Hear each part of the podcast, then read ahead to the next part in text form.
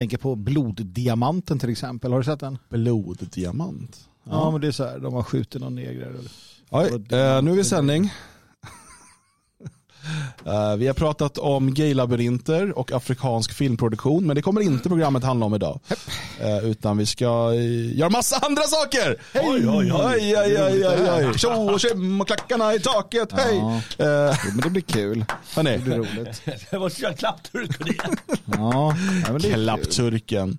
Uh, välkomna in i chatten, säg hej och så vidare så kör vi lite music och sen Sen jäklar, då, då, då bara drar det iväg här. Så. Rakar loss. Jag har salt i hela håret och sand i sandalen. Glassen smälter i min mjuka strut. Jag glider på stranden. Flickorna är nästan nakna. Så ser jag dig ligga där och glöda i solen och jag faller hejdlöst när du ler mot mig. Skynda fort ner i vattnet. Jag måste ner och kyla av min grej och där står man på knä i det blå Men han där nere är vild och ger sig inte ändå. Plötsligt hör jag ett flin och ser din roade min. Där du sitter glatt och hejar på. Jag är så het, så het.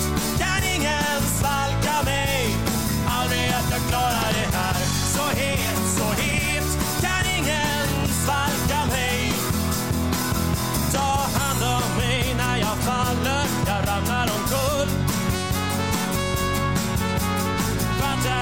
Inte faller för att jag är full. Solen går ner och alla glödheta kroppar samlas och blandas med varandra på stan. Jag vill också få blandas men jag kan inte hitta dig. Så står du där plötsligt med ditt solblekta hår. Och Bara frågar mig om jag vill följa med Till ett lugnare ställe. Där du och jag kan få vara ensamma. Det går en stöt genom hela min kropp. Du och jag på en strand och i mitt blodomlopp Går allt med dubbel fart. Jag ska få känna dig snart. Och allting känns så jävla underbart. Jag är så het,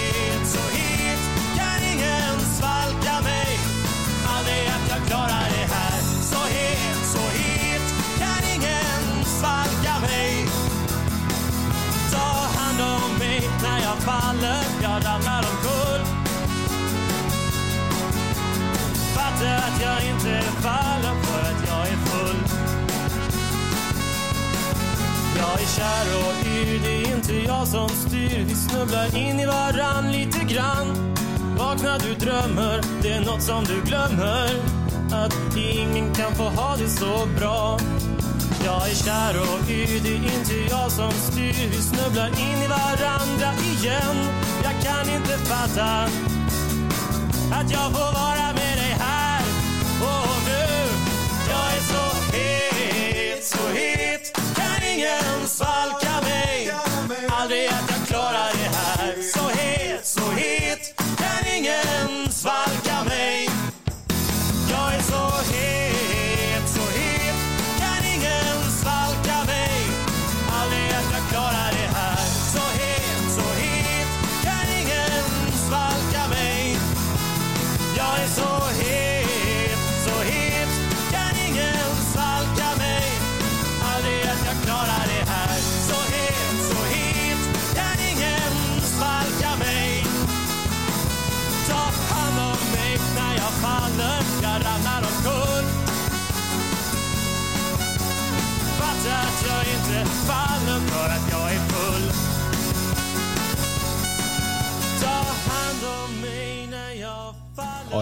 Nu är vi redo att eh, dra igång Sommar med Svegot.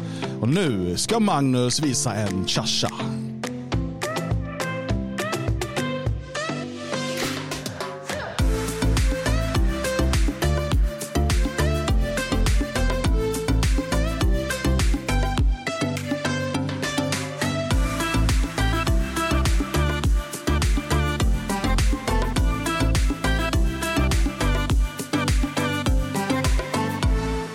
Glad sommar svenskar och välkomna till Sommar med Svegot och grattis på födelsedagen Jalle Horn. Ja just fan, det var idag. Grattis!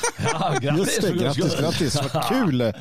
Nej, vi, ska ju, vi, vi har ju redan firat dig här på kontoret som sig bör. Ja, jag har ju firat er. Eh, hon på danska? Ke- Choklad och kaka, det är vad man får i Danmark. Och lite saft, jordgubbssaft tror jag man får också. Det heter jordgubbssaft på danska. Jo, det är Ja, bärs.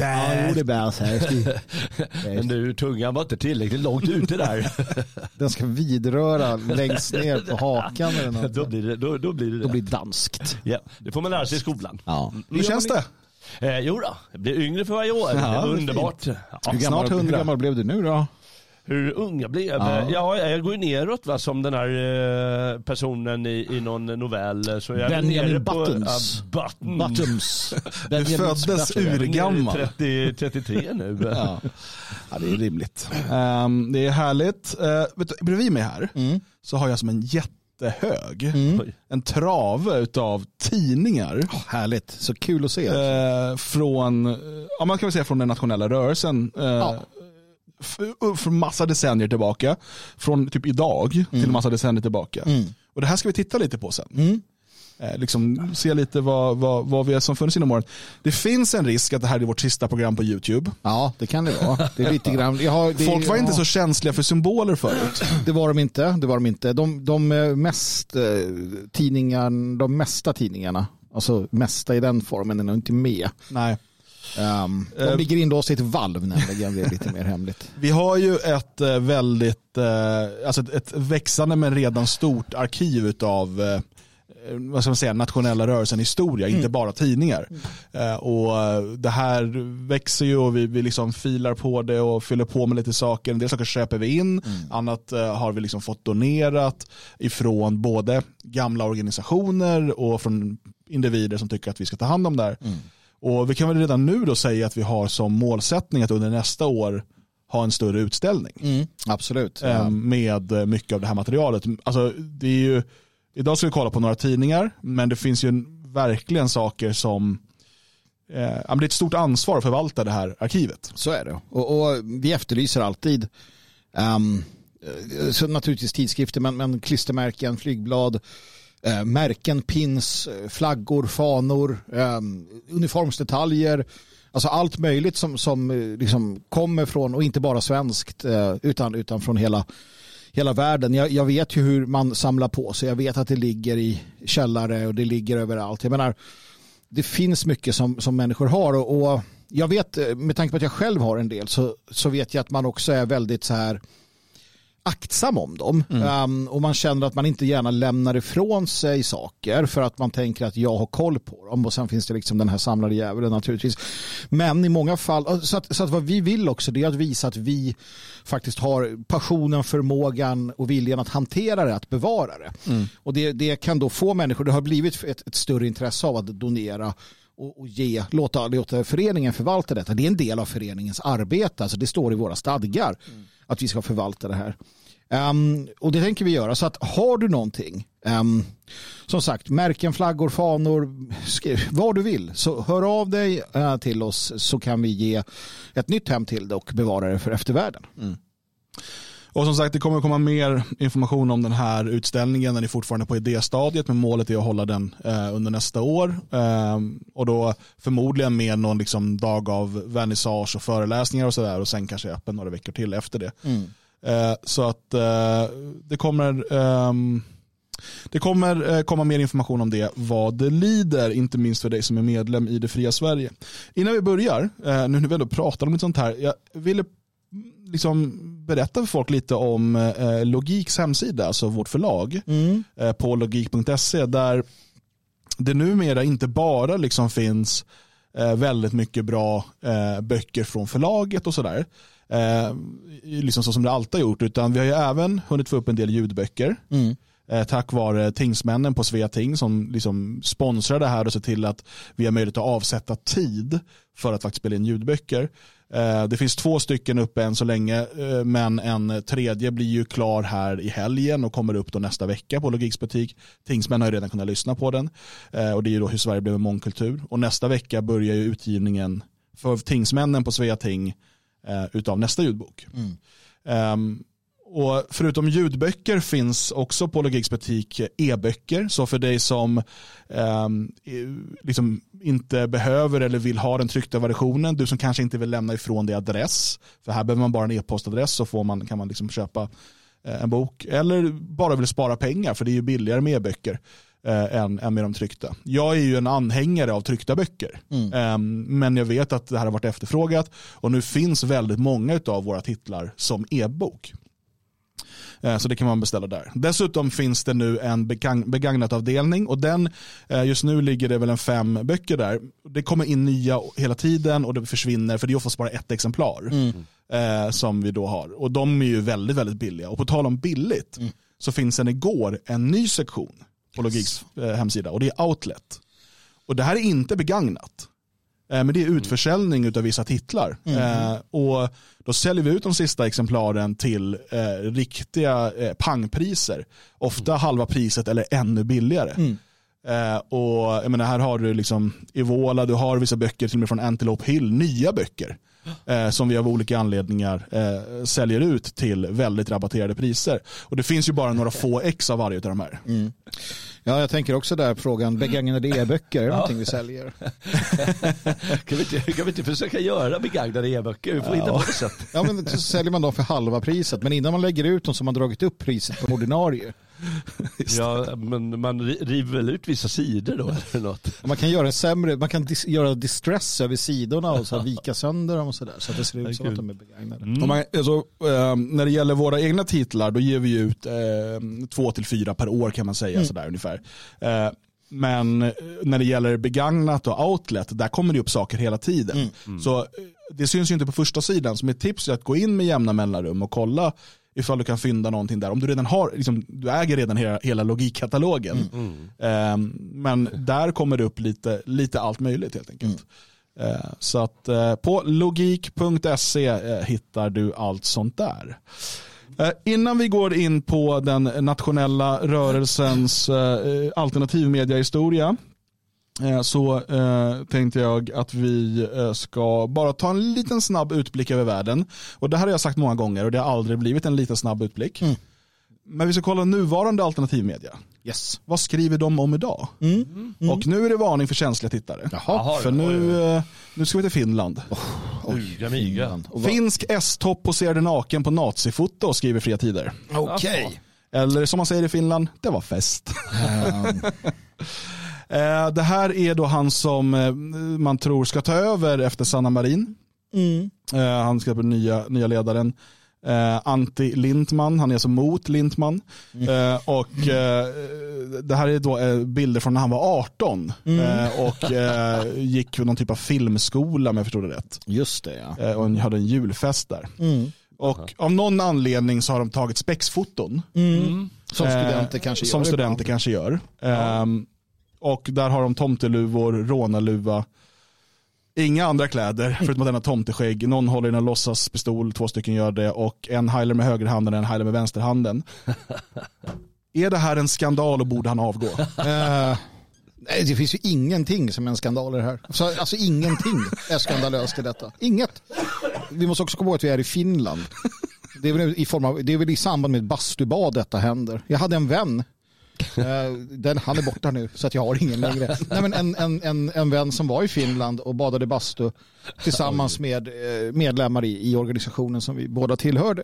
Och han gick in på svenskt maner med eh, kalsonger, eller om det var en, inte kalsonger utan han hade en sån här handduk runt Ja. sig.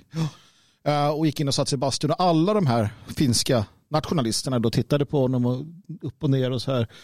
Och så vad fan döljer du för någonting? Ta av den där. Han sa, va? Du, ta av dig den, du sitter ju och döljer något. Så han, alltså det fanns inte en chans att sitta och inte visa upp hela sig. Så när han hade gjort det, då var de nöjda. Sen var det inte mer med det va? Eh, det är så i Finland och jag tänker mig att det här är också en del av finskheten. Ja. Får man snaska lite? Nej, det får man inte göra däremot om du inte heter Tom av Finland. Då- Nej, så att det är en av huvudnyheterna idag i, i alternativmedia.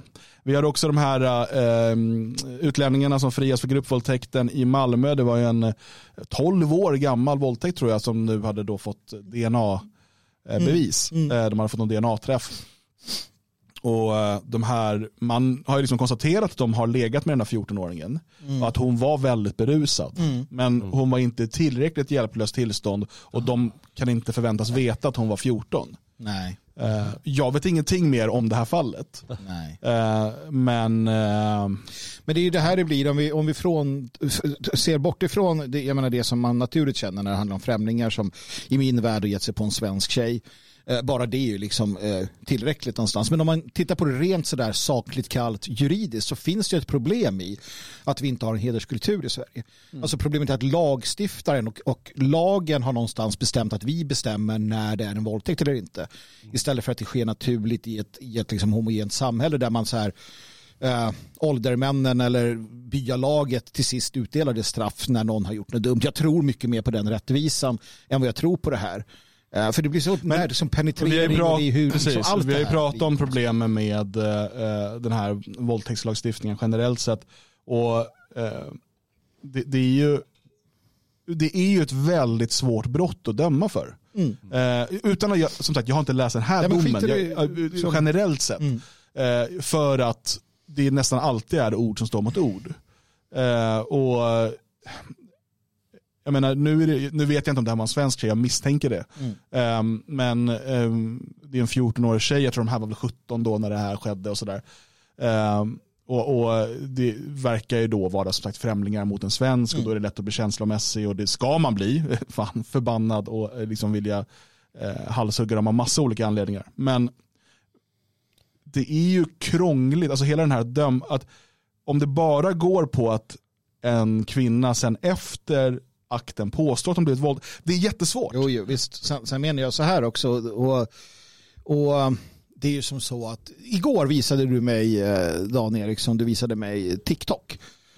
Um, och, och det var då fram, framförallt vita unga tjejer. Men det finns ju allt möjligt Men det finns där. allt, men det var just det Men- jag tänker på. ja. Det var vita, tjej, vita unga tjejer. Vi pratade nämligen igår om vad vi skulle göra idag, tänkte om vi skulle då försöka göra de tio hetaste Ja, TikTok-danserna. precis. eh, och då tog vi fram dem, det tänker vi inte göra. Nej, men då var det en som var väldigt, som du visade, då var det alltså vita tjejer som eh, rörde sig väldigt sådär eh, sexuellt och, och, dansade och sjöng till någon, att man skulle stoppa in saker i dem. Jag kommer inte ihåg vad det var, men det var väldigt sexuellt måste jag säga ändå. Eh, och jag tänker så här, att det finns väldigt mycket sexualitet i samhället. Det är väldigt så här, eh, alltså reklam, väldigt mycket är sådär och man, liksom, man beter sig, tjejer beter sig på ett visst sätt och killar på ett visst sätt. Och, och det jag menar är så här, och innan folk säger Åh, det är inte tjejernas fel, så säger jag så här att om du befinner dig i ett samhälle där väldigt många kanske inte har intelligensen som krävs. Intelligens gör nämligen också att du, att du förstår kanske signaler på ett sätt, att du förstår eh, socialt spel och sådär. Jag förstår att en kvinna som säger sådana saker inte vill bli eh, våldtagen. Jag förstår det. Jag förstår att om hon står och kråmar sig och dansar så betyder inte det att hon vill att jag ska ta henne.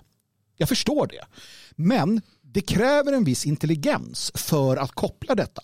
Och befinner du dig i ett samhälle där det kanske är väldigt många som saknar den förmågan, då kommer du bli våldtagen. Ja. Och där måste man liksom, de- den poletten måste falla ner. Och här behövs det ju fäder. Som Fäder förklarar, för, ja, Yes. ja precis, som så här, nej. Eh, du går inte och liksom super på den här stranden med, Ja. och, och ja, försöka få bort sina barn från mångkulturella områden och så Absolut. vidare. Ja. Sen kan du aldrig 100% skydda dem, det går liksom inte. Man behöver sin, alla behöver någon sån typ av ska säga, frigörelseprocess Mm. där man blir vuxen och allt det där. Vi har väl alla haft den så att säga. Eh, men, men det finns ju också någonting Eh, Alltså det finns ju olika sätt man kan förebygga och minska risken för sånt här. Mm. Nej, absolut. Eh, En positiv nyhet då. Nej, det- du, ja. Vi måste ju bara ta den där eh, under också. Jag är ju väldigt nyfiken på transkriptionen av, av deras samtal.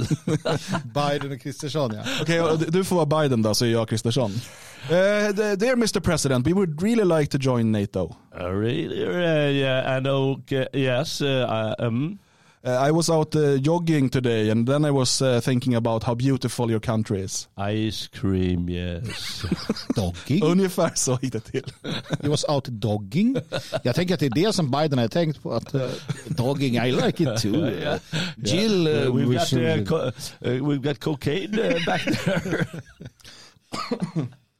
Ja, det ska fan bli väldigt kul att läsa. Jag bara tyckte det här var en positiv nyhet. Jag vet inte varför. En fågel levde jättelänge. Det är jättekul. En, en uh, sillgrissla uh, som alltså blev 49 år, den ringmärktes 1974. Mm. Blev nästan då 49 år gammal. Jag vet inte varför, jag vet inte hur gamla de ska bli. Jag bara blev glad att den blev gammal. Kan ja, jag få bli det? Jag tänker att sillgrisslan har ju bytt ring med någon annan. När han blev lite äldre, så han blev 12. Då bara, du, min son, du ska föra vidare Just det. denna klenod. Han bara, okej. Okay. Och så har de gjort sådär. Det. Alla vet att de är hyperintelligenta. Ja, ja, ja. sillgrisslor är det mest intelligenta av alla flygfan. Bättre än drakar till och med. Okej, okay, det var vad fria tider hade att bjuda på. Vad, vad bjuder eh, Samnytt på då? Undersökning. Majoritet vill förbjuda koranbränning. Det är så taskigt att ta den här typen av bilder. Vi konstaterade igår att Expo gjorde det på mig. Ja. Och det här, man lätt underifrån in i näsan och så här öppen mun och gärna nära så porerna. Så här, Tack ska ni ha. Ja. Fan.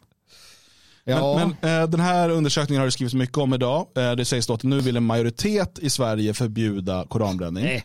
Eh, och eh, framförallt är det då kvinnor som vill det. Mm. 63% av kvinnorna eh, och 42% av männen. Alltså, genomsnittet blir då 53%. Nu ska du få höra, i propagandistiskt syfte, jo. det vill säga för att främja min sak som jag tror på, så twittrade jag lite ilskat om det här och, och verkade lite Ja, men jag, jag, spelade lite, för det gör man i propaganda. Uh, och tyckte att ja, hur kan det vara så här och förjävligt och så. Och det är för att väcka känslor, det är för att engagera och så vidare. Mm. I själva verket så förstår jag precis som urban skriftställare uh, som uh, skriver på Sveting men som då har en Twitter där han skriver att det här är en, en ögonblicksbild för, av 1100 personer i klägget ja. som säger någonting och du kan bevisa vad du vill med. Ja. Så, så vi måste förstå, eftersom ni är så smarta lyssnare här på Svegot så, så förstår vi att det finns propaganda. Använd det här i propagandan. Ja. Och sen finns det en sanning och sanningen är att mäh. Nej, precis. Nej, det är bara larv. Det är, det är inget fästa sig vid. Men sen är det som det pågår någon typ av teater hela tiden här. Mm. Att, att det här handlar inte ens om koranbränningar. Nej. Eh, för att här handlar, alltså Okej, okay. det är en teater från flera olika aktörer. Dels då från muslimerna som låtsas att det handlar om koranbränningar. Men det mm. handlar egentligen om att de vill dominera, att de vill bestämma och sätta agendan. Mm. De kan bli lika upprörda över Mohammed-karikatyrer. Och jag menar, du kan dra det här hur långt som helst. Om, om lagstiftningen ska anpassas efter att en grupp blir kränkt och kanske våldsam. Mm. Okej, okay, då blir de det för koranbränning, sen blir de det för Mohammed-karikatyrer, sen blir de det för Eh, eh, att man kanske då säger något förnedrande mm. om profeten Muhammed. Mm. De kan börja kravalla för vad som helst. Och säg, okej, okay, vid nästa aid så eh, ansöker man om demonstrationstillstånd och så står man bara utanför och ropar profeten Muhammed var pedofil. Profet. Kommer de bara, ah, men det är okej okay, för ni bränner inga böcker. Ja, nej. nej. De kommer bli precis lika arga. Och, för det är det här, och det är det här sluttande planer du aldrig vill hamna på.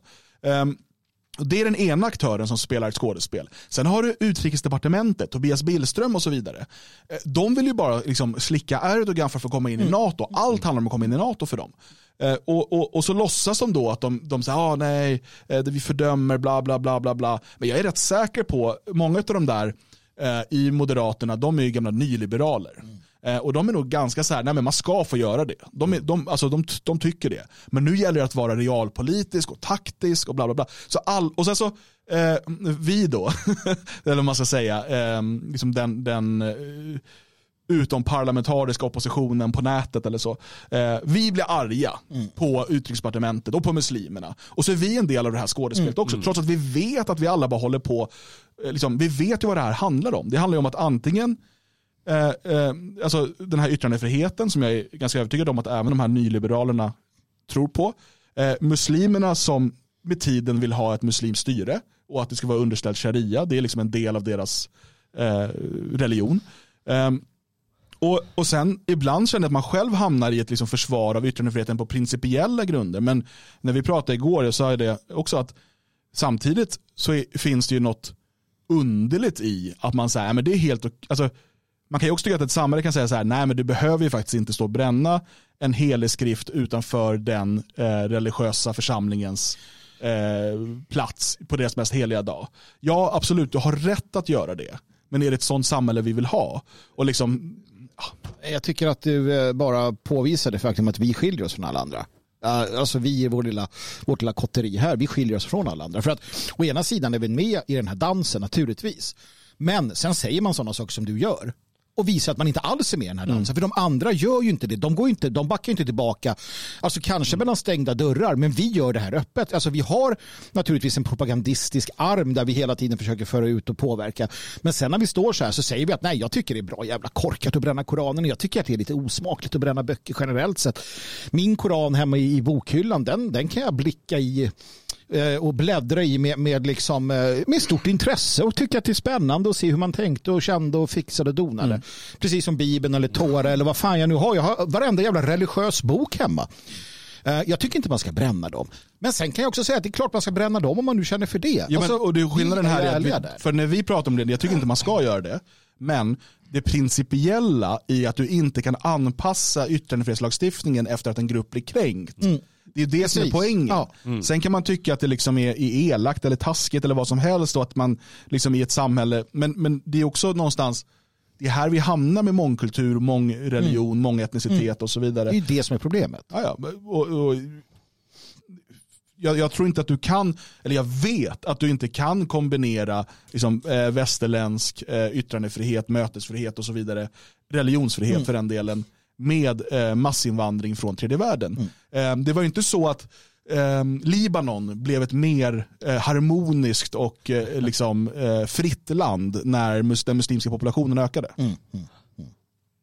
Kan vi konstatera. Ja. Nej, precis. Nej. Eh, Samnytt, vad skriver de mer? Så mycket det kostar korankaoset. Storbankerna tjänar storkovan på inflation och räntehöjningar. Eh, och eh, så är det, för att det är som här, hög ränta på att låna men inte på att spara. Nej, precis, Eh, precis. Men det är ju... att, eh, ja. Ja, Det är väl som alltid. Det, Ja. det kanske inte Vad ska, de, vad ska de annars tjäna pengar på?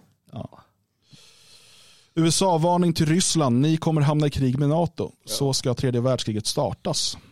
Jag vet inte vad det här är för någonting, jag har inte kollat på det. Nej, men det är väl, jag, det, jag hör nu det- att de säger att NATO gör allt som de kan för att gå med i tre- eller för att få igång ett tredje världskrig mot Ryssland. Mhm. Eh, Medan Ryssland gör allt de kan för att undvika att det ska bli mer krig. Jag tycker att man kunde ha skit i att gå in i Ukraina generellt sett. Hade precis. sluppit hela den risktagandet. kanske. Men, jävla korkade ryssarna. men jag säger som Det är Smedley två Butler. senatorer som har sagt någonting. Ja. Alltså. okej. Mm. Ja, Smedley det- Butler sa att war is racket. Ja. Um, Alltså krig är, det är liksom bara det är bara en förlängning av andra maktspel och det är lika goda kålsupare. Och jag är fortfarande inne på den här tredje vägen. Jag tycker fortfarande att, att man ska bara ge fan i och ge sig på varandras länder. Jag tycker det är trevligast så. Liksom. Sen var det en eh, nyhet som du vill vi ska kolla på på morgonposten här. Ja, fantastisk. Berätta. Fantastisk. Nej, men det är underbart. Alltså, jag tänker ibland på döden.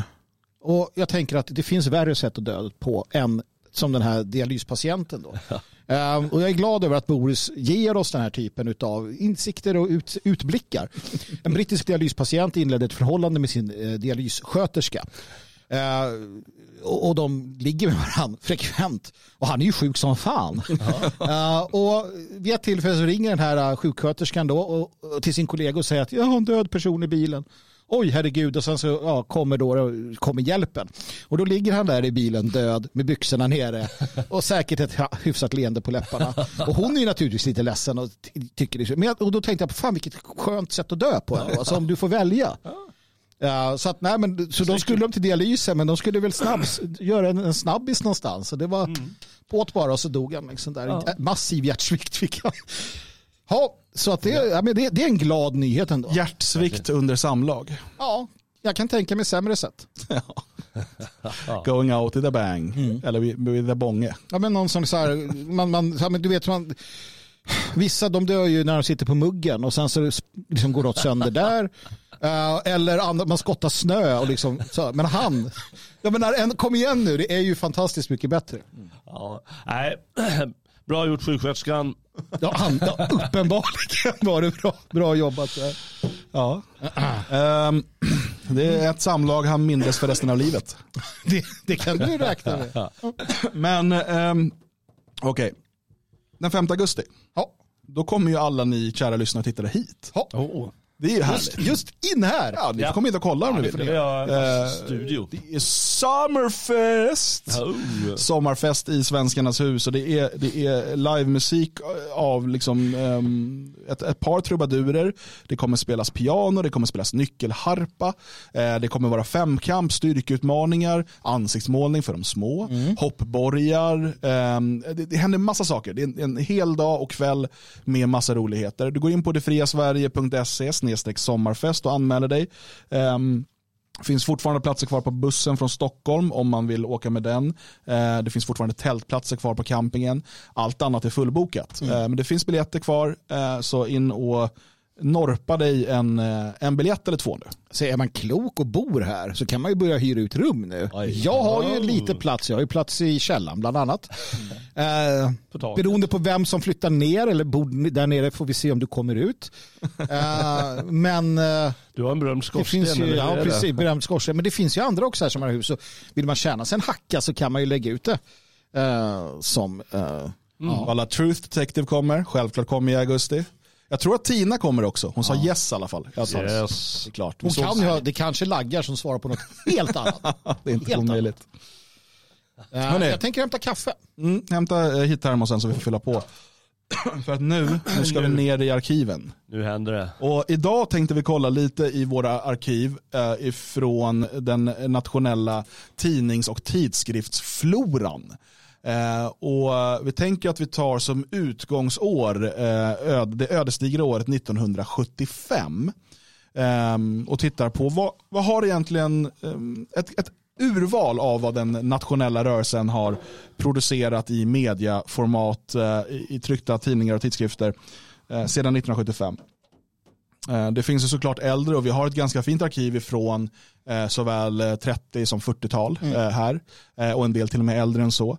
Men idag ska vi fokusera på 75 och framåt och vi ska börja från framåt. Precis, det gör vi. Och jag vill bara, jag vill bara innan, du, innan du sätter igång här med den här odyssén säga att ni som är lite yngre och lyssnar, det fanns alltså inga alternativ. Det, tidning, nej, nej. that's it. Det var nej. det som fanns. Visst, böcker fanns, radio, men det var ju inte, då fick du ju liksom... TikTok hade vi inte heller. TikTok hade vi inte. Alltså det fanns inga sätt att på något snabbt sätt få information till människor. Utan det var flygblad, det var tidningar. Som sagt, radio var kontrollerat av staten, fick inte bara sända radio. Nej, Tv fanns knappt. Alltså det är en helt annan tid. Nej, du hade... Uh på, på 80, alltså det fanns ju på lokalradio kunde man ju få eh, köpa in sig. 88 MHz. Precis, jag sände där med Nationaldemokraterna mm. 2004 någonting. 88, mm. hette det 88,8 eller var det bara 88 MHz? Jag tror 88 MHz. I Stockholm. Ja. Och där har ju andra sänt tidigare också. Alla. Eh, för där hade du som förening, tror jag det var, som förening hade du liksom rätt att sända där. Mm. Det var något sånt demokratitänk. Eh, väldigt intressant. Mm. Vi åkte ut i uh, ute i söderort någonstans. Uh, i någon villa, i någon källare, hade någon som hade en radiostudio. Mm. Och där satt och spelade in och sen skickades de här banden till Sveriges Radio, på, eller Radio Stockholm. Ja, eller som, ja. ja. det, var på något underligt, ja, det var spännande. Det var ingen livesändning då, men jag tror man kunde sända live också. Men det var, jag var aldrig med på någon sån. Nej, Nej men så, att, så att det, var, det var tidningar, tidskrifter uh, och flygblad då framför allt. Mm. Mm. Um, så att vi, vi börjar i nutid. Och jag tänker att nu får ni i chatten hjälpa mig. För att jag hoppas, jag har ställt in kameran nu så det inte ska vara spegelvänt. Mm. Nu får ni säga till om, om det liksom är det. Just det, för, och säg direkt då. Så ja, att vi för nu börjar vi liksom, liksom, något som ges ut nu. Ja. Till exempel är ju den här, Nya Tider. Just det. Mm. Och den tror jag de flesta känner till. Det tror jag också. Det är ju förlängningen på nationell idag va? Ja, som jag tror vi kommer till sen. Precis, men jag kan säga att jag är lite delaktig i den här. Den nya, för den har ju bytt, den har hamnskiftat lite. Så att jag var faktiskt delaktig i att hamnskifta till den nuvarande layouten. Även om de kanske inte alltid är så stolta över eh, mitt bidrag. Ja, just det. Ja, men så var det. Under en period ja. så jobbade jag. Har du skrivit i den tidningen också? Har skrivit Fick du skriva under eget namn? Nej. Eh, jag skrev inte under eget namn. Det gäller ju pressstöd för fan. Jag kan ju inte ha med en annan. Nej, men Nya Tider är ju en veckotidning som fortfarande kommer ut. Mm. Uh, och uh, jag vet inte när de började, som sagt det är en fortsättning på Nationell idag som jag tror vi kommer till sen. Mm. Uh, men är det någon som berättar bara, är det spegelvänt eller kan ni läsa vad som står? Så fortsätter jag. För en annan, en annan tin, eller ja, vad ska vi kalla det här då? Som fortfarande ges ut. Ja. Det är ju den här. Det här, kanske, det här hoppas jag att fler får hem. Ja, så det här är, det är så kul för att följ med nu. Nu är vi alltså i 2000-talet och sen ska vi tillbaka till 70-talet. Och det här Folkets Fröjd är ju en, ett, ett, ett, alltså det är entusiaster som älskar eh, ordet, älskar att göra det här som har liksom inspirerats av forna, forna tider säger jag. Det låter ju som, som det. Ja. Alltså just hur det såg ut med fanzinen och allting och förstått att är det inte på riktigt IRL så är det inte på riktigt. va. Mm. Man vill lyfta detta jag tycker det är fantastiskt. Jag har skrivit några, en eller två gånger i den här. Jag kommer skriva fler gånger uh, till Folkets Fröjd. Uh, och numera tror jag att det är Negermanska partiets officiella tidning också. ja. och nej, det var inte det här. Det var något nummer här det stod att ekonomin går precis som det ska. Ja, med förlust. Alltså, alltså med förlust. Ja. Och de har ju en Patreon precis. som man kan stödja på. Och får in 198 kronor där eller någonting ja. tror jag. Eh, men annars måste man ju typ mejla någon och skicka röksignaler och dansa någon dans så kan man få hem den här. Ja. Eh, men det, det, kan... Nej, det, är fantastiskt. Jag, jag, jag, så, jag, blir lika glad varje gång jag får den där. Um, och man har också börjat man expanderat verksamheten. Man har börjat ge ut skrifter bland annat eh, och liknande. Och det här är verkligen tillbaka till, det här är tillbaka till när jag först engagerade mig. De sitter i någon jävla källare någonstans med någon gammal skrivare. Och Ja, hur man tar tonen och skakar den för att få ut det sista. För ja, det är fint. Det är bra, bra jobbat. Nu är det slut på de som ges ut fortfarande. Ja, som vi har, precis. För det här är de, finns det några andra i vår Sverige som, alltså tryckta tidskrifter eller tidningar som ges ut fortfarande? Regel, som regelbundet kommer ut? Inte vad jag kan dra mig till minnes ärligt talat. Så nu får, vi liksom, nu får vi börja kolla på döda projekt då. Ja. Eller åtminstone vilande sådana. Precis. får vi se. Undrar om alla vilar. Och här har vi en som vi i allra högsta grad var inblandade i. Mm. Nationalisten. Just det. Eh, det. är ju en, eh, en tidskrift eh, som vi gav ut under lite drygt två år. Det här är nummer tio. Och tyvärr så gick den inte att få gå runt ekonomiskt. Eh, och till slut så var vi tvungna att eh, pausa projektet och, och ja, vi får se om det någonsin kommer tillbaka. Det, det är lite det där med att vi själva vill väldigt gärna ha en tryckt tidning. Mm. Eh, men det verkar inte finnas lika stort, liksom, så stor efterfrågan på det. För det här var ju en, alltså i mina ögon, väldigt, eh, väldigt snygg och, mm. och läsvärd, många intressanta skribenter. Mm. Eh, men det var, vi, vi, lyckades inte få upp tillräckligt många, jag tror det var 250 prenumeranter eller något där. Det, man måste trycka, ja, vi tryckte väl 500 ett tag, mm. men då blir det också styckespriset att trycka väldigt högt. Precis. Eh, ja. Så man måste egentligen trycka tusen. Ja. Och då sitter du med jäkla många exemplar och det, du, du bara binder upp en massa kapital i lager. Mm. Eh, och vi har tyvärr inte några större, stora finansiärer eller sådär. Jag hade gärna sett en återkomst för Nationalisten. Mm. Eh, eller ett annat namn men en liknande ja. magasin. Men då behöver vi liksom, man måste veta att man kan få in, jag tror att vi hade break-even på, mm. på 500 prenumeranter. Mm. För porto och sånt, alltså allting kostar väldigt mycket. Portot är ju det största problemet. Alltså en av de absolut största problemen med detta. Man, man, vill ju döda, man vill ju döda posten. Alltså man vill döda mm. den eh, kommunikationen. Men det jag också konstaterar är ju att det här var lite grann kanske också om det kommer någonting annat. Jag menar, vi, nu har vi ju våra egna projekt på, på, på internet. Jag menar, du har danieriksson.com. S.com. Eh, jag har härden.nu. Eh, vi har Sveating tillsammans och så. Ja. någonstans är det här också kanske vårt sista, alltså någon form av så sista avbräck med rörelsen. Alltså, mm. Det här kanske låter jättekonstigt, men nationalisten, den typen, alltså någonstans kanske man själv har liksom så här, men vi måste fundera om, vi måste hitta nytt. Liksom.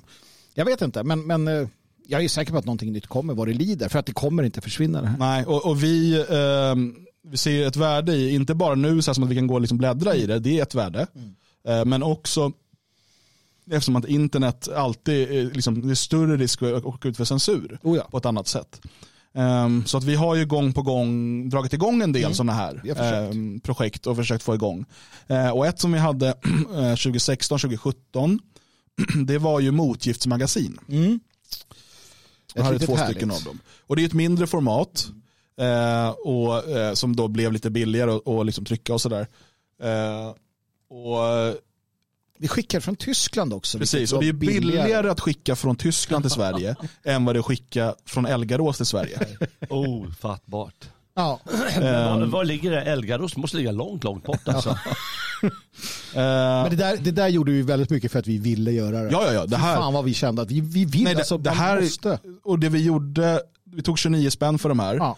Uh, och det fanns ju inga pengar i det Nej. alls. Alltså det gick inte, utan det var ju för att vi tyckte det var kul mm. att ha en tryckt produkt. Ska jag vara ärlig så tror jag att det är närmare att vi kommer tillbaka med något sånt här mm. än med det här lite mer påkostade ja, ja, magasinet. Mm. Jag måste ju säga att du sa en sak när jag drog igång eh, eh härden där, alltså själva och skriva på, själv. Du sa det, vi satt och pratade om det där nämligen. Jag brukar ofta vända mig till Dan, fan jag är blivit duktig på, på mycket så här med internet och skit. Um, men då sa du så här, fan du vet vad du borde göra, sa han Du borde skita i internet. Kör ett så här kopie, uppkopierat jävla br- brev du skickar ut bara. Och det är klart, du får, du får ju noll reach i princip där du frågar till, till, till Folkets Fröjd.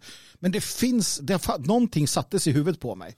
När jag fick från Manfred Röder, de här Deutsche Bürger Initiativ, vi såg sådana här, i Tyskland de skickar ut, bara till papper i och så no, för, för, till Folkets Fröjd och känner man att fan, det, alltså det finns något i en som drar och lockar till att bara skita i allt och bara köra liksom skrivmaskin. Får Ja, det, det finns ju en grej med den här tryckta produkten också. Det är att eh, där kan man faktiskt ha en eh, angenäm längd Mm. när man skriver någonting. Alla vet ju att eh, folk som läser på internet, eh, och det, det gäller säkert oss också, det liksom börjar halta när man Ja, har scrollat ja, ner ja. ett par gånger. Mm. Jaha, ska jag scrolla ner tio gånger till? Alltså, det, jag vet inte vad det är, men det är väl någonting med det här läsa på skärmen utan att veta att det är en e-bok kanske.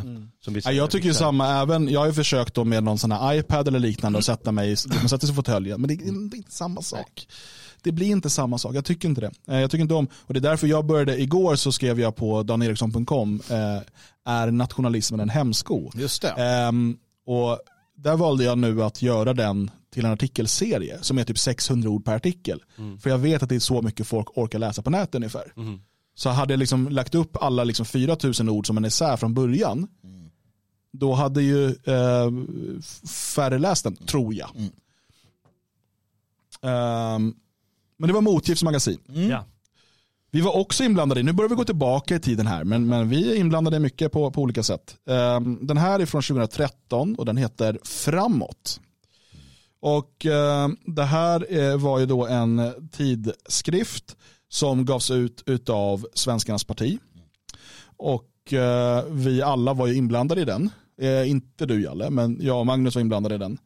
Um, oh, jäklar vilken bild på mig där. Vad är det där för, vem har tagit, varför ser ut sådär?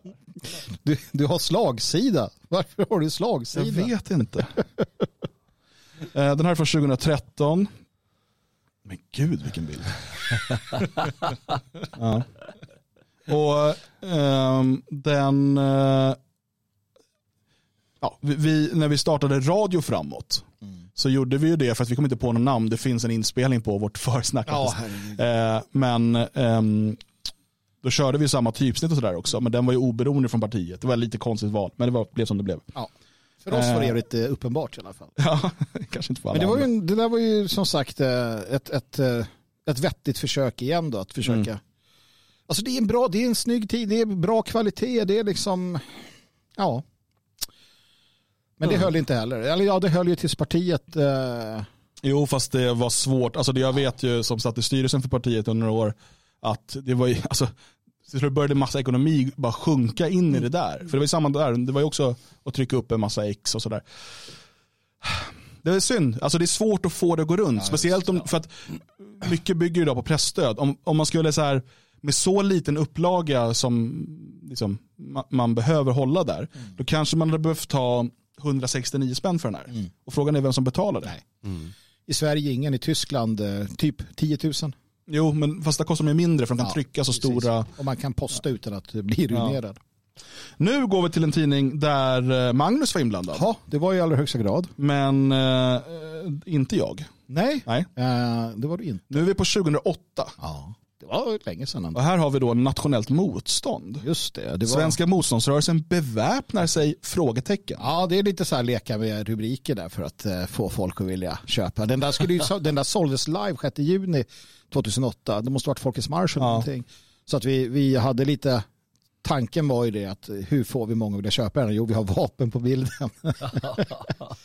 Eh, men det var en, eh, det, det var ja, kul, det roliga med Nationellt motstånd, jag minns återigen, det, det var den tidningen, vi sålde ju den på gator och torg. Ja. Och jag minns att det, liksom, det fanns ju problem ibland när man hade kanske ett omslag eller man stod och pratade om att vi inte har några vi har inte rätt att uttrycka oss att Sverige är en demokratur och så vidare. Och sen har ju jag har ju varit med om att en person frågade hur fan kan du stå och sälja den här tidningen då? Om det är som du säger, du står och säger att, att vi inte har någon rätt oss och så står du och säljer tidningen här. Det är en sån där sak som fick mig att tänka efter som sitter kvar än idag. Att fan man får vara försiktig med hur man uttrycker sig. Ja, ja, men kul tidning. Nu kommer vi till en tidning där, var du inblandad i den här? Jag var inblandad i den här. Jag var lite motståndare till dem däremot. Jag Ja, förbjöd människor att läsa den. Det här var också den tiden du var motståndare till allt som inte var underordnat dig. Yes. Mm. Den här tidningen heter Nordisk frihet. Och gavs ut av Nordiska förlaget och jag tror senare av då Nordiska förbundet. Just det. Vilket, ja. Eh, Identitärer och radikalnihilistiska, katolska, vad det nu var. ehm, jag skrev en del i den här. Mm. Oj, Den här är är också jävligt snygg. Också eh, rolig eh, liten seriestripp. Ja, men de hade ju fantastiskt. Jag vet ju, jag tror att det är vår vän som har gjort dem där. Va? Det är vår vän, ja, vår grekiska Vår vän. grekiska vän. Ja. Fantastiska. eh, de där faktiskt. Jag, jag, skrattar gott åt dem. Eh, nej, det var en fin, en fin tidskrift som eh, kom ut under några år. Ehm, den försvann väl egentligen i, eh, i samband med att Nordiska förlaget försvann Ja, det får man säga. och blev ja, Arctos. precis. Eh, och egentligen så fin- det finns ju ett syskonskap eh, mellan de här två. Mm, mm, Ja. Många personer som jobbade med Nordisk frihet jobbade också med framåt. precis, precis.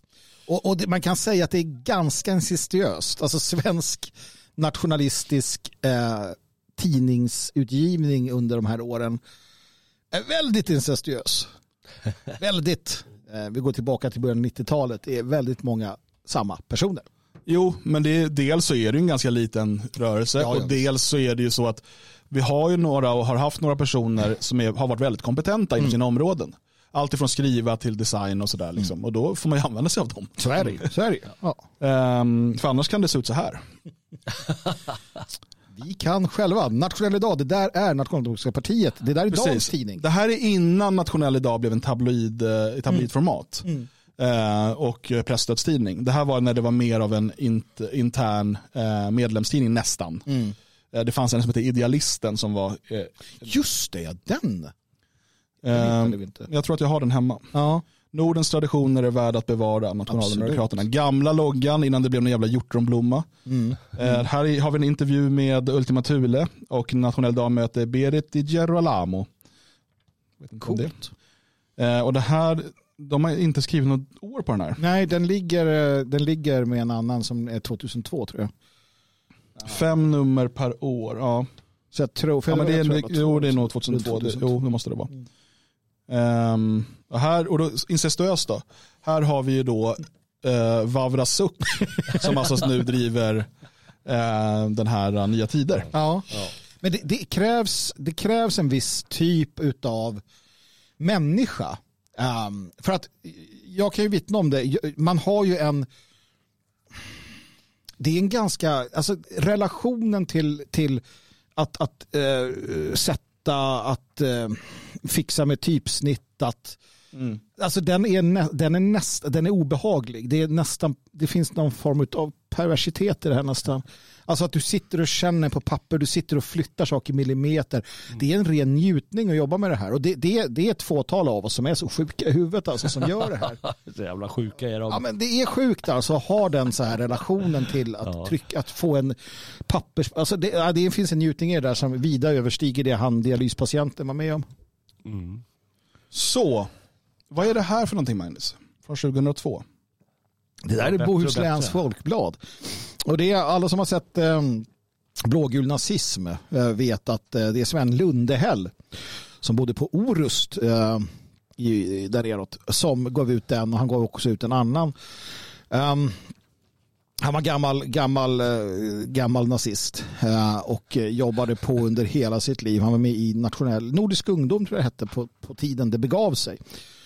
Och fortsatte helt enkelt hela sitt liv på olika sätt och vis att göra sig um, hörd. Och bland annat då Bohusläns uh, folkblad. Han hade ett parti också. Det var väl han som var medlem och någon till. En sån här gubbe som aldrig gav upp liksom. Men det jag älskar med den här, det är att den här är gjord på det gamla sättet när vi tryckte, alltså att man har, han har alltså eh, kopierat upp, han har satt ihop, Mm. Klippt ut, klippt ut och satt ihop och så kopierar man. Japp. Ja. Så som fanzine gjordes och sådär. Japp. Eh, och det, gör, det skapar en speciell känsla och en del är ju liksom svårläst. Det är det. Ehm, men det här är då Bohusläns folkblad och han har ju då en hemsidaadress här uppe. Ja. http kolon slash slash w1.876.telia.com snedstreck tilde u8760 4697. Där kan ni ju då få mer information. Men det här är ju härligt. Ja, eh, Tage här i chatten, Tage Kolander, han, nu är han väldigt till sig. Han älskar nämligen det vi pratar om. Arvet förpliktar, Frisinnade Unionspartiet. Glöm aldrig få upp NRP-splittringen. Jag håller med. Alltså, eh, han var alltså, Lund, Sven Lundehäll var alltså en, en eh, han var med i Nordiska rikspartiet underställd Göran Oredsson. Och det vart bråk och de gjorde som nationella gjort i alla dagar. De använde sina medier till att smutskasta varandra. eh, Oredssons bok är en fantastisk eh, prisad. eh, Allt som Men här bråkar han ju med dem på första sidan. Det är klart han gör. Här står det då, han har ju då kopierat eh, eh, Nordisk, från så det så här, Nordisk kamp, grundad av Göran Oredsson 1956, är på sin 46 årgång därmed äldsta regelbunden utgiven NS-tidning i Sverige. Och det, det har ju då han kopierat och sen lagt in en rättelse under och skriver rättelse, Bohusläns Folkblad är den äldsta regelbundna utgivna ämnestidningen i Sverige under 57 år. Och så underskrivet S. Lundell. Det är så här det har for, alltså det, är, det är fantastiskt. Jag älskar det här. Det är, Härligt. ja, det, är, det, det, det, det är så man ska använda sina publikationer. Nu är vi på 2002 igen då. Ja, men det, här, det här är ett spännande, en spännande... Nu, Nu är det obskyrt. är det obskyrt ja. Fast, och det är här som är så spännande. Vad heter han nu igen? Uh, han, Moheda i Småland satt han och arbetade ifrån, det vet jag. Och han hette... Um, oh, gud, nu har jag glömt bort det namnet. Uh, hjälp mig Tage, vi ska titta på Värensbladet. Uh, vi ska titta på Värensbladet och det, det som är... Det här är Världensbladet. Härligt. Och det är alltså en person som, som Sköterskorna allt sjukare. det har sin, bra rubrik. sin grund i uh, värlandismen, alltså Are Värlands Ja. idéer. Nils uh, hette han, säger Tage. Nils vad? Rydström, tack så hemskt mycket. Nils Rydström. Och det ni inte vet om den här tidningen, det är att på alltså 30-talet eller 40-talet när det nu var, så var det alltså en, en, en veckotidning. Extremt fin, extremt, alltså jättefin, jätteutgi, alltså utgiven på finaste papper och så vidare. Fantastiskt, Nils-Erik Rydström. Ehm, och han eh, fortsatte med det här hela livet med Värensbladet och sådär. Och, och sen blev det ju bara, den chanserade mer och mer och mer och mer. Till sist satt han själv i Moheda och gav ut det här då, men han gav aldrig upp. Eh, och han levde enligt de här då, eh, religiösa filosofiska principerna, han var mystiker, allt möjligt. Det är fantastiskt eh, spännande. Eh, när han var jättegammal, eh, herr Rydström, så eh, besökte han sjukhuset för att han var gammal och, och trött. Och så frågade de, ja, har du någon journal? Och då berättade han, vadå journal? Jag har aldrig varit på ett sjukhus i hela mitt liv. Han var typ 80 bast. Vadå aldrig varit? Nej, jag har inte varit på sjukhus. Varför ska jag gå på sjukhus för? Värensbladet är organ i Sverige för den i Chicago, USA år 1896 grundade The Church of the Soul, själens kyrka. Vilket betyder att det är fråga om ett tillstånd inom människan varför kyrkobyggnader är eliminerat. Detta tillstånd kan erövras genom erfarenheter i livets skola. Det var 12 män och 12 kvinnor som grundade denna kyrka och det var första gången i världens kända historia där kvinnorna hade likvärdiga representanter och makt gentemot männen. Grundandet var en följd av att vise män från östens länder deltog i världsreligionernas parlament i Chicago 1893. Eh, han uh, blandar ser symboliken där också, klassisk eh, europeisk esoterism, mysticism. Han blandar in mycket sånt där. Så att Värensbladet i, i, i början och Värensbladet senare år är väldigt, väldigt olikt varandra också. Men en fantastisk, eh, en fantastisk bit historia. Här har vi ett annat, av, ett annat eh, nummer bara av Nationell idag när det såg lite annorlunda ut. Eh, innan det, den fick sin fasta form så att säga så såg det lite olika ut varje nummer. Absolut, det var eh, inte gender fluid men eh, Design fluid. design fluid. Ja. Ehm, och eh, det som är kul också med de här, det här är varför vi måste börja trycka tidningar igen. Ja, alltså det är För kolla här kan vi då bilder från olika evenemang och sånt. Som, allt sånt där försvinner ju bara på nätet. Eller ligger på Expos hårddiskar. Jag blev ju inspirerad Ja. Hej då. Just det, jag fick en gåva här ja. Precis, jag blev inspirerad av den och kände att jag måste utveckla härden äh, lite. Om vi inte gör något tillsammans så måste jag göra någonting. Jag fick den, eller jag fick, vi fick den här i huset. Uh, vid härden. Eh, och ska vi hjälpas åt här Maj? Ja, ja, ja. Det är alltså en gammal, gammal tidning. eh, som hette Vid härden. Och det är samma då som min eh, nuvarande podd heter, Vid härden. Och det här är alltså en tidskrift från, ska jag se, det här är Stockholm den 26 mars 1898. Egen härd, guld värd står det vid härden. Och jag kände direkt när jag såg det här att nej, det är det här man ska göra. Ja. Alltså jag måste komplettera. Om vi inte gör tillsammans så blir det nog ett sånt här utskrivet A4 om inte annat till sist. Det finns Här är i, i, meddelanden från CIA och NSA med flera. Nu jagas hela släkten. Efter flera månader på rymmen är nu bin Ladens bror Marmeladen fast. Marmeladen. Ännu en bror Chokoladen jagas av rättvisan. Hans femtonde syster Pinja Coladen är den som jäckat amerikanerna under längst tid. Tätt följd av Salladen. Det är bra som fan. Ja. Uh, Mikael skriver här, Expo som bevarare av kulturarvet är ju lite oväntat. Det är ju sant. Expo om några uh, gör mycket för att bevara den nationella rörelsens historia. När vi en dag tar över deras uh, Arkiv. arkiv så kommer vi ha mycket gott att titta på. ja. Det var en gång i tiden väldigt nära kan jag säga. Att vi gjorde det. Det var nära. Det var nära, men nära Dan Eriksson skjuter vad fan. Nu går vi fortsätter vi de religiösa spåren då va? Eh, Och här har vi tidningen Kvaser. Mm. Den har jag ingen erfarenhet av. Eh, Och det är alltså då, den har tidskrift för nordisk sed, myt och tradition. Eh, Och här bak har vi då reklam för Nordiska ringar, bland annat då Gotlands blotlag, Hälsinglands blotlag och så vidare. Och jag har inte heller faktiskt någon, någon större erfarenhet av den. Men Jag vet inte vilka det var riktigt heller. Vilken, när, vilket år kom den ut? Står det 2002. Ja, då hade väl jag annat för mig tänker jag. Jag höll på med, jag vet inte vad jag höll på med då. Jag, tillhör, jag blev ju mordhotad av hedningar en gång för länge sedan. Det var, ja det är sant, det var, vad hette de då som höll på med odalismen? Svensk Hednisk Front. För att jag höll på med Aryan Nations och skickade ut identity-grejer. Och då fick jag ett mail där de hotade mig till livet. Eh, det, är, det är rätt kul ändå. Eh, Första, egentligen enda gången jag blev mordhotad av, poli, av politiska skäl. Men det är lugnt, jag, jag har ingen eh, aversion. Men det är en, man ser ju att den har med rörelsen att göra. Att Ja. Det är som tysk musik, man vet om den är nationell. Ja. ja. Ehm, här kommer en eh, tid, tidskrift. Tidning. Vad är skillnaden? Är det utgivningstakten som avgör det? Nej. Ja, eh, hur som helst, som eh, jag läste på gymnasiet och som såldes eh, från eh, sådana här, um, eh, man hade skåp, du vet. Har det någon som hade, får man gå till skåpet där och köpa sig. Eh, 20 kronor kostar den eh, och den hette Folktribunen. Patrask, politiker och massmedia står det här. Jag hävdar, och fler med mig, att folk, det finns ett före och ett efter Folktribunen. Det var någonting som hände med oppositionen och det började så bra och det kanske inte slutade så jävla bra.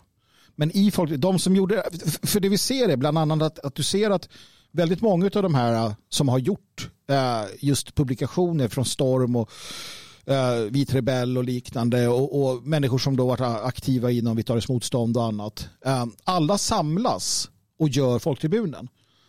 Och det blir riktigt bra i början. Tills det börjar bråkas naturligtvis. Men alltså, och, och många, jag vet när jag träffade Erik Hägglund på Stockholm central, jag hade rest upp från Fagersta. Och han, jag stötte bara på Erik Hägglund ehm, på Stockholm central och han och jag började prata. Och han har då en hel en ryggsäck, en liksom kampryggsäck med sig. Han har tribu, tribunen, lite annat. Och jag får det i handen och börjar bläddra och läsa. Känner, jag känner direkt att nu, det här är någonting nytt, det här är någonting fräscht. Och jag går ju med då eh, något senare och ser till att ändra på att det är nytt och fräscht. Så att det blir gammalt och vanligt. med tiden. Hur man sänker en tidning. Ja, men precis. Det är det du berättar. Nej, men vi, vi ändrade inriktningen. Men jag menar, fortfarande, jag, jag, jag ligger väldigt nära Folktribunen och, och den, den politiska liksom, idé som fanns hos det tidiga Folktribunen. Det, den känner jag fortfarande väldigt mycket för. Ehm, Ja, så var det en tabloid också. Alltså, det var det storformatet och det var Mm. ganska nytt för oss att ha det. ehm, precis, det kändes professionellt på något sätt mot de här stencilerade eh, fanzine. Förutom då, vi hade ju haft Nordland såklart, eh, som var ett mer musikinriktat att ja, magasin, glättigt så.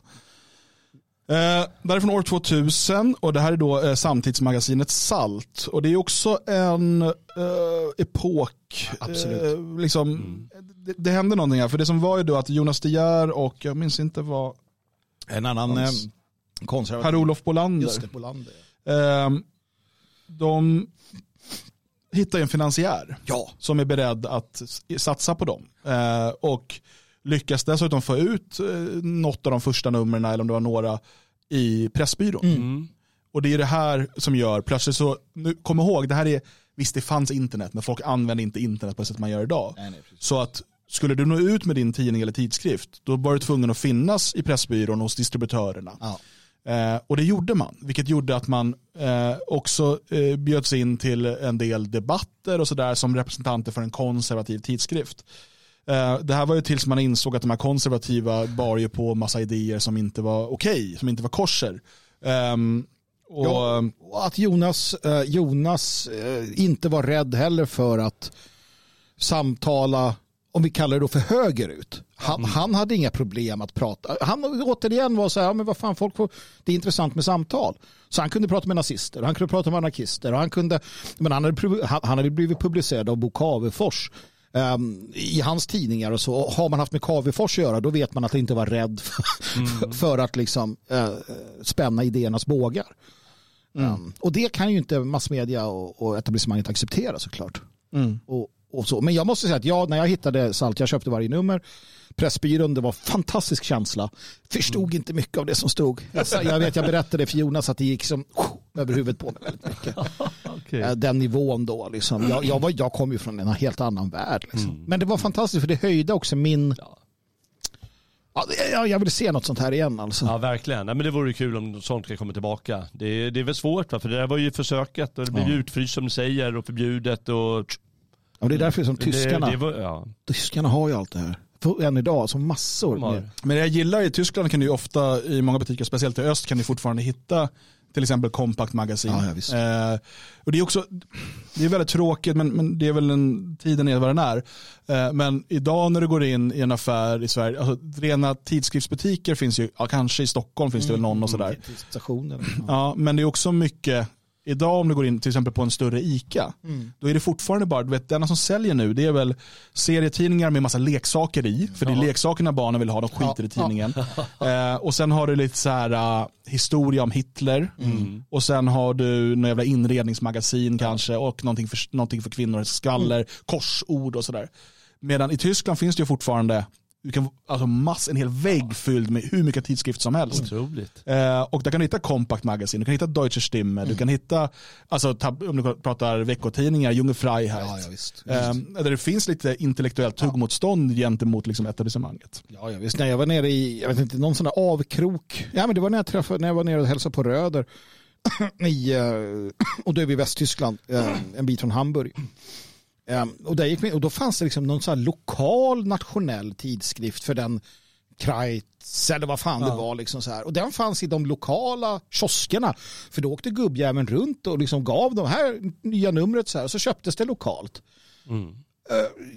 Och, och det var en del av den verksamheten som de bedrev. Och det var ju så här, ja, jag vet inte, man blir, man blir, man blir avundsjuk.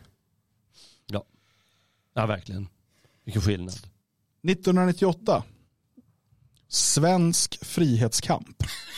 Ja. Det, där har jag, Så undrar du varför finns den här? Varför Jag förklarar de här. berätta. Svenska rättsförbundet. Ett nytt koncept för nationella. Du håller just nu i din hand det första numret av Svenska rättsförbundets stödorgan Svensk frihetskamp. Varför ännu en nationell tidning? Vad fyller den för funktion? Det finns ju redan så många nationalistiska tidningar kanske du tycker. Svaret är enkelt. Svensk frihetskamp är officiellt språkrör för Svenska rättsförbundet och vi kommer att ta upp användbara och nyttiga teman, speciellt när det gäller juridiska råd, eftersom vi har tillgång till professionell yrkeshjälp. Professionell. Samtidigt vill vi kunna ge stöd åt de personer som valt en väg samhällssystemet inte godtagit och för detta blivit fängslade för sina nationella åsikter och handlande. SRF kommer därför försöka skicka ut gratisexemplar till många av de personer som idag befinner sig innanför Gulags murar. Det är till, skill- detta till skillnad mot många andra nationella tidningar där vissa till och med tar avstånd från personerna i fråga. Just det. Någon var arg eh, på att eh, fängslade nationalister behandlades illa tyckte man. Mm. Eh, och då gav man ut det här. Just det. Ja, jag vet faktiskt inte vilka som ligger bakom det. Jag har mina aningar. Men Jag tror dessutom att det här inte är tidningen utan det här är ett utkast till tidningen. det är sånt vi har i vårt arkiv. Kolla på det här nämligen. Ja, just det. Här Pop. har man eh, skrivit då strukit över och skrivit utbytt mot det du skrev om register, Säpo etc. Mm. Så det här är inte, det här är inte tidningen, det här är bara ett, eh, något utkast. Ar- Det här är en arbetskopia. Ja. Kom Mm. den ens? Jag vet inte. Jag känner inte till den. Nej. Det här skulle vara nummer ett. Ja. Det, är, det är inte säkert. Det där kanske är det enda vi har där. Ja. Nej, fantastiskt, det är så vi jobbar. Har du någonting liggande i byrålådan, skicka hit det så vi kan lägga det i vårt arkiv. Och nu kommer vi till något jag nämnde nyligen då. Mm. Eh, och det här är från juli 1997. Tidningen Nordland. Den där har utbildat många nationalister. var det unga, hippa, nya bandet Pluton Svea Ja. eh, med eh, Stöveltrampen ekar igen. Eh, och då skulle man skriva om det. Man skriver också om Richard Wagner. Mm. Styrka ger makt, en analys av vårt ideal. Alltså när du bläddrar i den där tidningen ja, i efterhand så, så är det just det du inser att man gjorde en stor kulturgärning ja, riktad till väldigt unga män framför allt då, där, där man fick Alltså just Wagner, men fan är det liksom? Eller vad är det här? Alltså massa saker som är liksom eh, mer kulturellt och viktigt som blandas med, med eh, det här eh, moderna musiken. Fantastisk, Eh, hur bra som helst. Ja, här är en massa sådana här små eh, notiser. 11 portugisiska patrioter dömdes den 3 juni till mellan 14 och 18 års fängelse efter ett invandrarupplopp i juni 1995. En neger avled av sviterna som uppstod under upploppet medan 12 andra skadades. Båda sidorna var beväpnade med slagträn och järnstänger. Den osedvanligt hårda domen riktad mot 11 människor grundar sig på att domstolen ansåg att brottet var rasistiskt betingat. Någon liknande dom har dock aldrig avkunnats i Portugal för omvända brott. Vad hände med de grabbarna liksom? Jag vet inte. Ja, Får ringa våra vänner i Portugal och kolla. ja. Eh, och eh, som sagt, Nordland, här är till exemplar bara för att visa lite mångfalden. Mm. Eh, hur den såg ut och den här är då från 96, mars 1996 och där skriver man om eh, en konsert där det, spelades Brutal Attack. Mm. Man skriver också om banden Svastika, Fortress, English Rose, Verlin Smed, Varg Vikenäs, Vit Aggression och Bound for Glory. Band som nästan alla fortfarande är aktiva. Ja, på, sitt, eh, ja, det är de då. flesta. Det är, vissa kan du höra på Spotify, andra i Mexiko turnerar en del för att de inte får vara någon annanstans. Ja. Är väl Okej, vi fortsätter bakåt då. Yes, Eh, höstnumret 96 utav tidningen Valhall. just det. Jag tror att det där var ett västsvenskt initiativ eh, med central Göteborg. Men jag är inte helt säker. Ja, men det var en sån där som kom ja, i en flora av tidningar. Det fanns Blod och ära, det fanns den, det fanns lite annat. Storm vet jag gav sig ut sam, samtidigt. Ja. och, nej, men en klassiker. Um, väldigt lik då de övriga. Här försöker man sälja in eh, en resa till Östeuropa. Jaså? Typiskt för Östeuropa idag är också att det finns striptease-klubbar och porrbutiker. Mm. Ja, då åker vi. Ja. Som, eh, här är reportage från eh, Häss... Får se, visa upp får vi se hur det ser ut. Dagen Häss, dagen H, Häss, härligt ja, just det. Lite reportage. Har vi ute och åkt en del? Ja, Fint. mycket. Och så kommer vi då till eh, den svenska folksocialisten, huvudorgan för Riksfronten. Eh, här var du också inblandad. Här var ju inblandad, gavs ut från en lägenhet i Fagersta på Floravägen. Um, och det var också den här uh, klipp och klistra-varianten. Det var efter kuppen. Um, Men nu vill jag läsa om nytt sionistiskt körkortssystem. ja, Magnus, vill du berätta? Nej, jag minns inte det, men uh, berätta du. Just att det är sionistiskt också är lite intressant. Sant. Det nya körkortet, ett så kallat smart card, har ett, en, en inbyggd programmerbar processor och ett minne. I bilens instrumentbräda sitter en läsare som är kopplad till en liten dator. Datorn i sin tur är kopplad till bilens elektroniska tändsystem. För att bilen ska kunna starta måste en krypterad kod sändas från körkortsdatorn till processorn. Är det Per som har skrivit det här? Det är Per, Det som, har väldigt skrivit, tekniskt det är per som har skrivit det där. Jag är helt övertygad.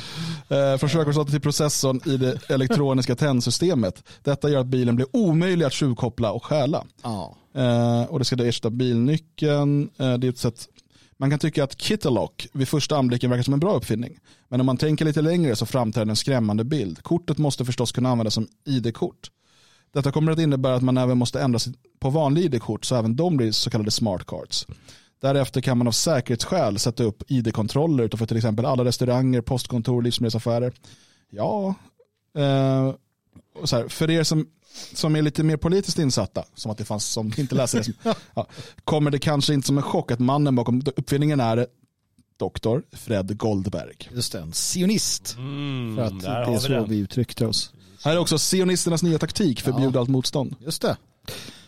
Ja, man skulle Här kunna är också säga att, skämt, skämt, skämtet häst mot folkgrupp. fantastiskt. Det är inget nytt. Nej, det är inte nytt. Ja, det var en, en tjej som var medlem som ritade den där också.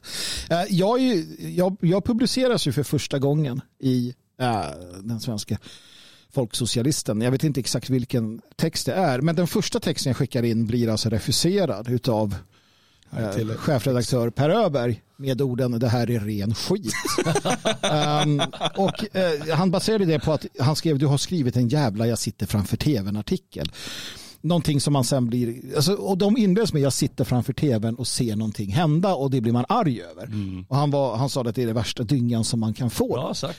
Ja, absolut. Så att där fick jag mig en åthutning och eh, nu är jag vida Här skriver ni Sven överlägsen. Lundehäll fyller 70 år här.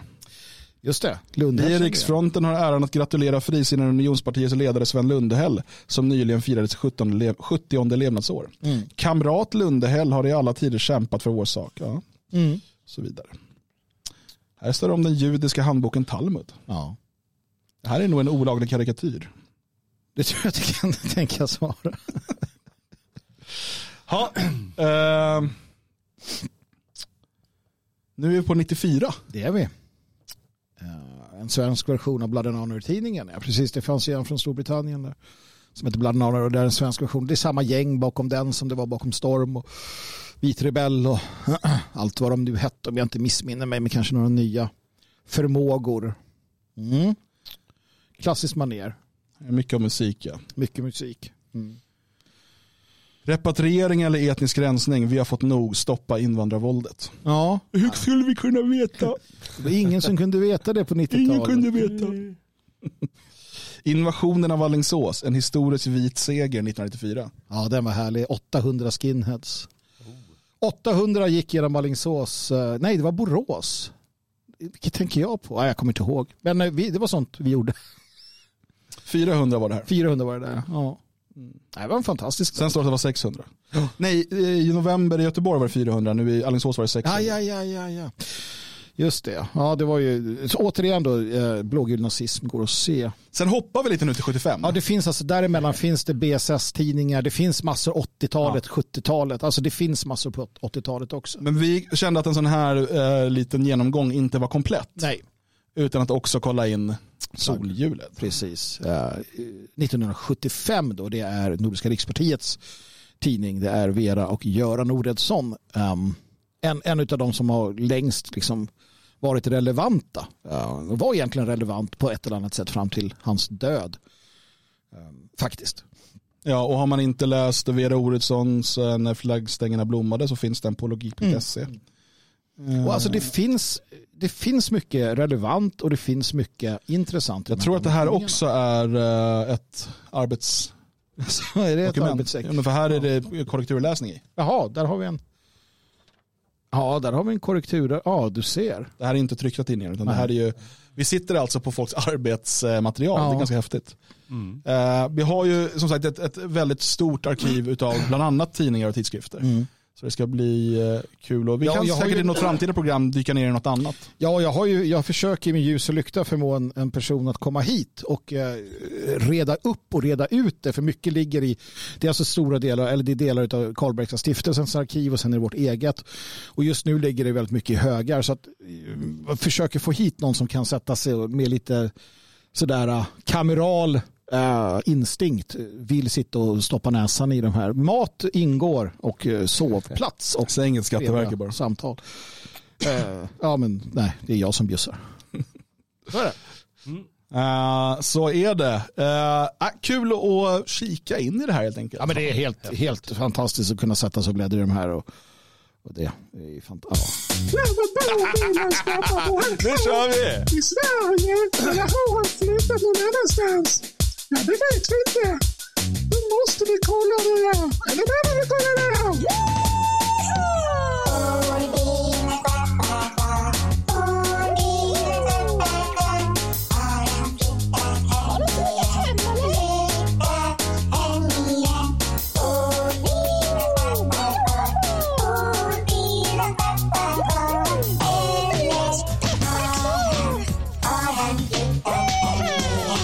Kom igen nu Abdi. Abdi, Abdi! Abdi, Abdi, Abdi, Abdi, Abdi, Abdi, Där kommer den! Ja! Nej. Han är kvar. Men du säger ja ju. Ja, men jag tyckte det såg ut så. Mm. Men. Abdi är kvar. Det är... Uh, det är ja. Alltså det var så trevligt och roligt fram tills nu. Ja. Naja, jag är glad ändå. Han ska inte stjäla min glädje den där Abdi. Abdi Majid Nour Osman eh, är kvar i Sverige. Trots uh, lo- löfte, trots att vi har anmält honom eh, för misstänkt folkbokföringsbrott.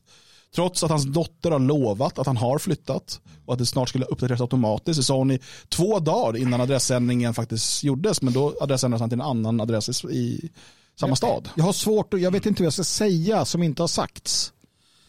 Uh, i, i, den här, i den här frågan. Alltså jag är så besviken på familjen Osman. Ja. Alltså djupt besviken. Det gör ont i själen, gör ont i hjärtat. Gör ont i, i liksom centrala nervsystemet. Gör ont i ögonen. Och här uppe, just här, kring, kring huvudskalpen. Mm. Jag, jag saknar ord. Mm. Jag är så ledsen, jag är så djupt besviken. Ja. Ska vi försöka få trubaduren att framföra den här låten live på sommarfesten så kan vi dansa och kolla det. Då. Ja, jag tycker nog det. Alltså den här låten ska bli en, den ska plåga världen tills Osman har flyttat som han lovade. Och det är inte för att jag vill att han ska flytta, det är för att han har lovat. Nu är det principen, nu, nu tänder vi till. Nu är det fight. Det här är principer Fight. Osman. Du ska flytta, du har sagt att du ska flytta. Du ska hållas vid ditt ord. Det är så mycket som händer. Eh, vi har ju någon typ av semester. Just det. Gött. Men eh, vi kör ju Sommar med Svegot eh, en eller två gånger i veckan. Vi eh, publicerar saker eh, varje dag på sveting.se på våra sidoprojekt, daneriksson.com och härden.nu. Eh, föreningens arbete pågår runt om i landet och, och här i Elgarås. Eh, det kommer upp eh, både nya och gamla böcker på eh, logik.se, eh, ljudböcker, e-böcker dessutom. Eh, och det är liksom hela tiden saker som händer. Jag, jag hoppas att eh, ni inte känner att det blir för mycket. Nej. Utan att man liksom hänger med och, och sådär. Och gör det till en daglig vana och kolla in de här olika projektens eh, hemsidor och sådär. Och sen, eh, det är så mycket som är nätbaserat nu. Och då är det så oerhört viktigt att vi träffas Mm. utanför nätet. Det får inte, vi, vi är inte en internetrörelse. Internet är ett verktyg vi använder eh, för att kunna kommunicera över långa avstånd. Men de här träffarna i verkligheten är, de är liksom livspulsen. Mm. Um, vi eh, hade inte gjort det här om vi inte också hade haft den liksom riktiga delen så att säga, den, den i fysiska verkligheten. Ehm, så att se nu till att komma till sommarfesten 5 augusti. Det är ett utmärkt tillfälle att komma med hela familjen eh, eller själv om man så önskar. Det finns eh, någonting för alla och det, det är en sån där heldag och kväll eh, som alltid blir minnesvärd. Eh, Så att gå in på detfriasverige.se sommarfest och boka in dig och gör det så snart som möjligt. Dels för att platser är begränsade men också för att det underlättar eh, för oss med planering och inköp och så vidare. Mm. Ja, absolut. Varmt välkomna och på frågan från Simon kan man se er i Hova på lördag. Möjligtvis i Vimlet. Det är ju Hova riddarvecka som drar igång och jag kommer att försöka ta mig dit med grabben åtminstone. Köpa någon lans att gå runt med. Jag eh, lämnar ju landet imorgon. Precis. Eh, Du, beger eh, mig Är du söderut. vår egen Abdi eller? Ja, jag är bättre än han på att lämna landet. Kommer tillbaka om ett tag, men jag har med mig mikrofon och kamera för att kunna delta i lite sändningar och sånt eh, under tiden. Och då får ni se vart jag dyker upp nästa gång. Precis, man vet ju aldrig. Spännande. Ha en knajpe i Hamburg. Kan vara. Kanske med St. Pauli-tröja på mig. Ja, vem fan vet. Man vet inte. Eh, du får hoppas att det inte blir så i alla fall. Nej, eh, men eh, vi får hoppas att ni alla får en fin tisdag. Så hörs och syns vi allihopa Mm. någon gång nästa vecka. Håll utkik på eh, Dagens Svegots telegram eller på Twitter. Där är det allra lättast att eh, få uppdateringar i förväg. Eh, men självklart eh, också på svegot.se nu är Sommar med Svegot slut för idag och vi önskar en fortsatt fin dag.